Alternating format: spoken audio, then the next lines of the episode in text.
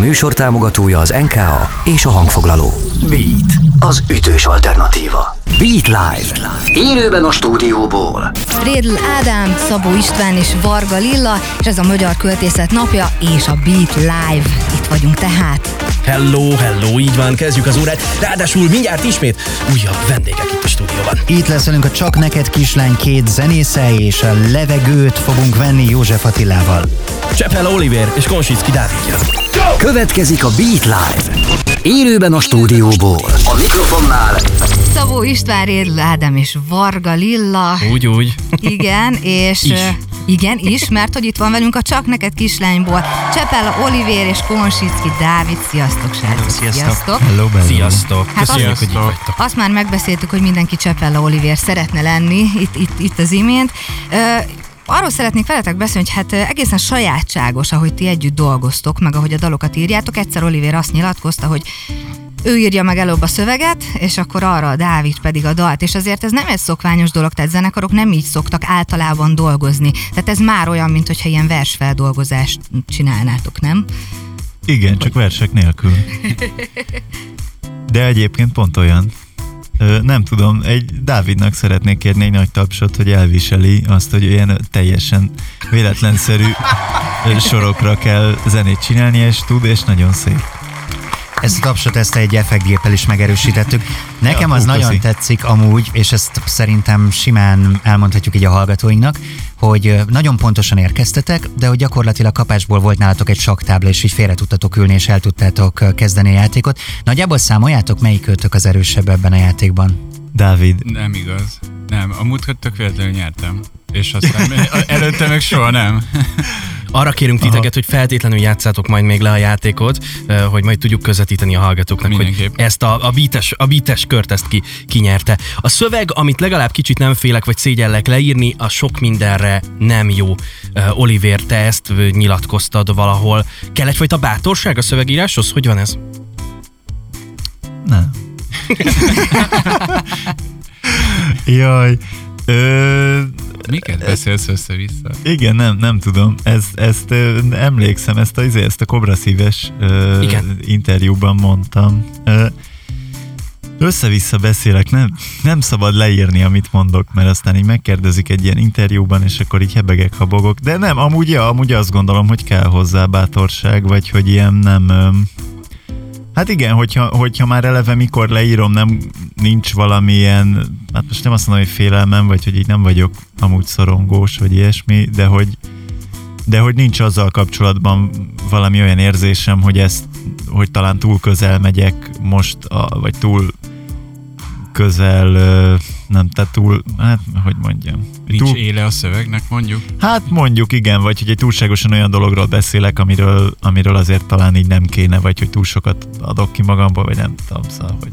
De hát ezek olyan szörnyen hangoznak, amit... Egyébként most, hogy ezt mondtad, engem nagyon érdekel, hogy valaha ért külső megjegyzést téged ezzel kapcsolatban? A Vagy valamit, kapcsolatban? Nem, hanem hogy valamit írtál a szövegben, és akkor gyakorlatilag így kiadtál magadból valamit, amit adott esetben egy külső valakitől nem úgy kaptál vissza, ahogyan szeretted volna. Tehát ez csak egy belső félelem, vagy volt erre példa, hogy túl sokat adtál magadból ki? Ö, csak izzadsággal kapcsolatban. Ö, hát az volt, hogy... Ö, vagy hogy mondjam, ezzel kapcsolatban inkább csak azzal találkozom, hogy azt, azt vagy hogyha arra kérdeze, hogy úgy túl sokat, hogy félreértették, olyan persze volt, de, de nem is annyira ezt, ez, erre gondolok, hanem inkább csak, hogy Jaj, hát nem tudom, tehát ugye olyat kérdeztek többször mondjuk, hogy, hogy, hogy nem hogy ezt nem, nem para eleírni, vagy szóval, hogy nem olyan dolog, hogy most akkor így mindenki tudja rólad ezeket a dolgokat, vagy mit tudom én, tehát hogy azt nyilván most már így ennyi idő után ez, ez nem, nem tűnik egy ilyen félelmetes dolognak, de hogy mondjuk amikor így elkezdtük, akkor így ez, ez volt, aki így kérdezte, hogy így ez a szerelmi életemnek a, a különböző kudarcait így kiteregetni, az hogy nem, nem egy ilyen félelmetes dolog-e, vagy nem olyan dolog-e, amit így nem reklámozna az ember, de hogy azt hiszem, hogy nem arra valók ezek a számok, hogy bebizonyítsuk, hogy jó emberek vagyunk, vagy minden rendben van az életünkben. De például hasonló volt, amikor mondjuk, hogyha ha, ha én egy, most már nem tudom hány éve, de hogy pár éve elvesztettem az édesanyámat, és akkor amikor arról írtam, akkor ez így eszembe jutott, hogy most abból a, abban a kontextusban is eszembe jutott, hogy nem adom-e ki túlságosan ezt, vagy szóval, hogy itt most nem váltom-e apró pénzre ezt a, az én kapcsolatomat az anyámmal, és hogy Szóval, hogy ilyen problémákkal szerintem kell, hogy az ember találkozzon, különben csak így abban az ilyen kényelmes térben mozog, amiben, amiben olyan dolgokról beszélünk, hogy összetörted a szívem, baby. Ö, A, refrén. Tedd fel a kezed, az tedd el- fel a kezed. azokat a dalokat vizsd, nagyon szeretjük, igen. Az előbb felhoztátok a, a szerelem témáját nagyon sok szempontból. Em, A költészet esetében nagyon gyakori, hogy látjuk ilyen irodalomkönyvekben, hogy, hogy mondjuk a költők életművét úgy sorolják be, úgy kategorizálják, hogy melyik kinek milyen szerelemnek szólt, és akkor az egy-egy női név, az egy-egy ciklust, egy-egy időszakot, költői időszakot zár le. Lehetne ilyen kategorizálás a csak neked kislány életében? Cseppel a versciklus. Lehetni lehetne, szabadni nem szabadna. Volt, volt olyan, hogy ö, egy hölgy szólt nektek, hogy ö, ez, ez szerintem én vagyok? Tehát mondjuk egy ex, vagy egy korábbi... Tudták, jó. Igen? Most ez, Olyan volt, hogy szóltak, hogy miért nem én vagyok. igen, ja, olyan is volt, olyan is volt. De persze nem, meg, meg, meg mit tudom én, van például a, a,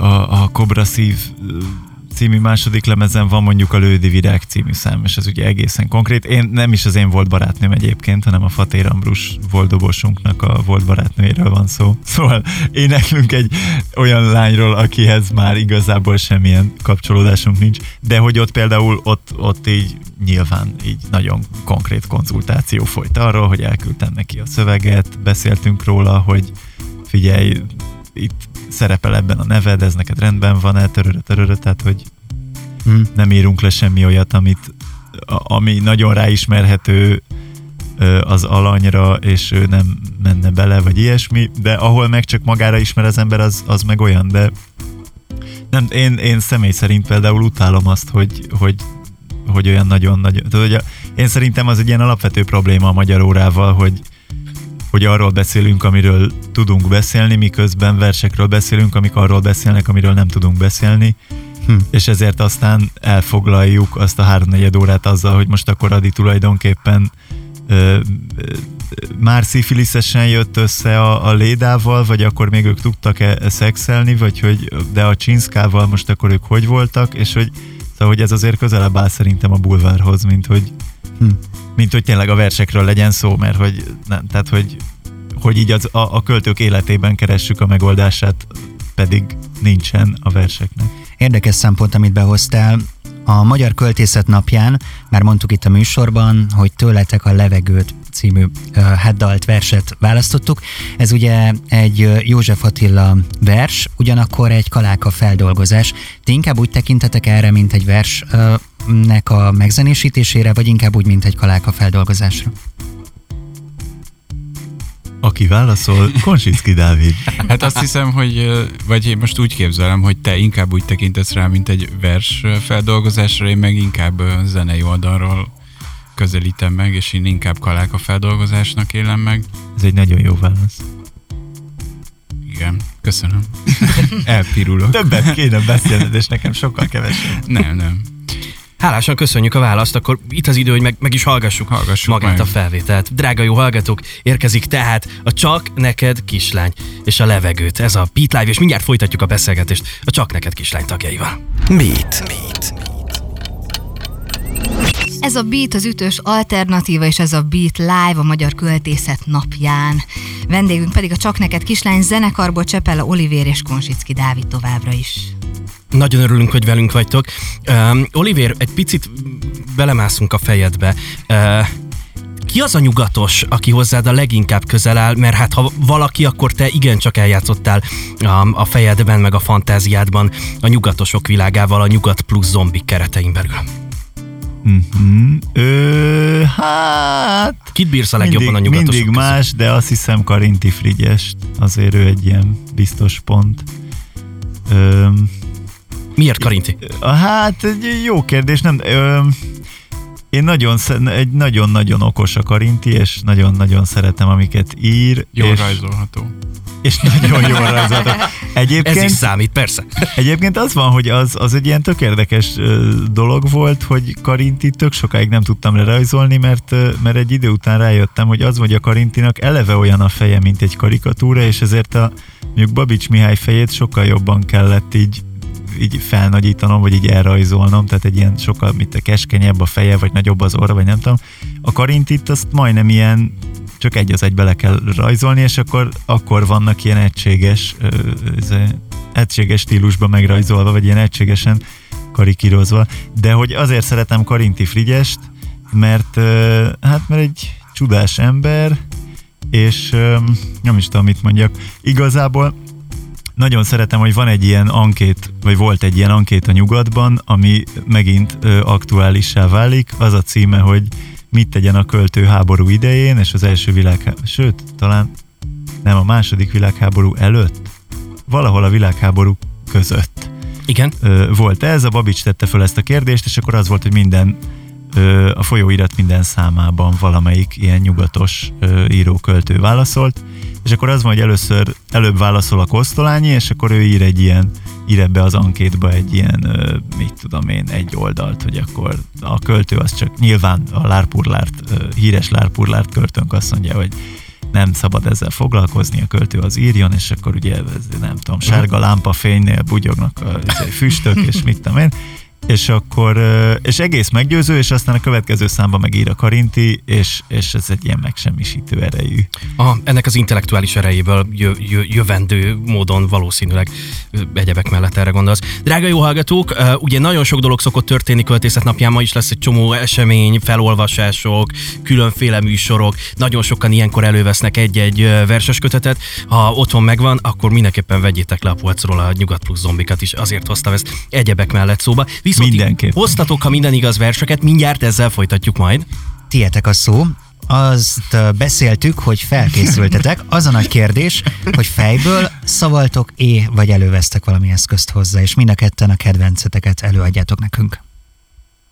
A, ja, az a kérdés, hogy, hogy fejből vagy nem fejből a, a Gondoltam ezzel a kérdéssel időt adok, hogy elővegyétek a Köszi. szöveget, hogy Igen. nekem. Ez milyen jó nagyon, nagyon, nagyon, Dávid elő Én, is én már ebbe is készítettem, hogy Melyik ötök kezd? szívesen Dávid, elfogadok. Dávid, mit, először Kezdek. mondd el, hogy mit választottál és miért. Én eh, Shelley-től választottam az Ozymandiás című verset, amit Tóth Árpád fordított, és azért választottam ezt, mert én bár zenéket szerzek, de vizuálisan szerzek zenéket, és ez a vers nagyon szép vizualitással rendelkezik számomra, nagyon esztétikus, és, és egyébként én nem vagyok egy kifejezetten vers kedvelő vagy olvasó ember, de ezt amikor elolvastam, akkor ez egyértelmű volt számomra, hogy ez egy jó vers.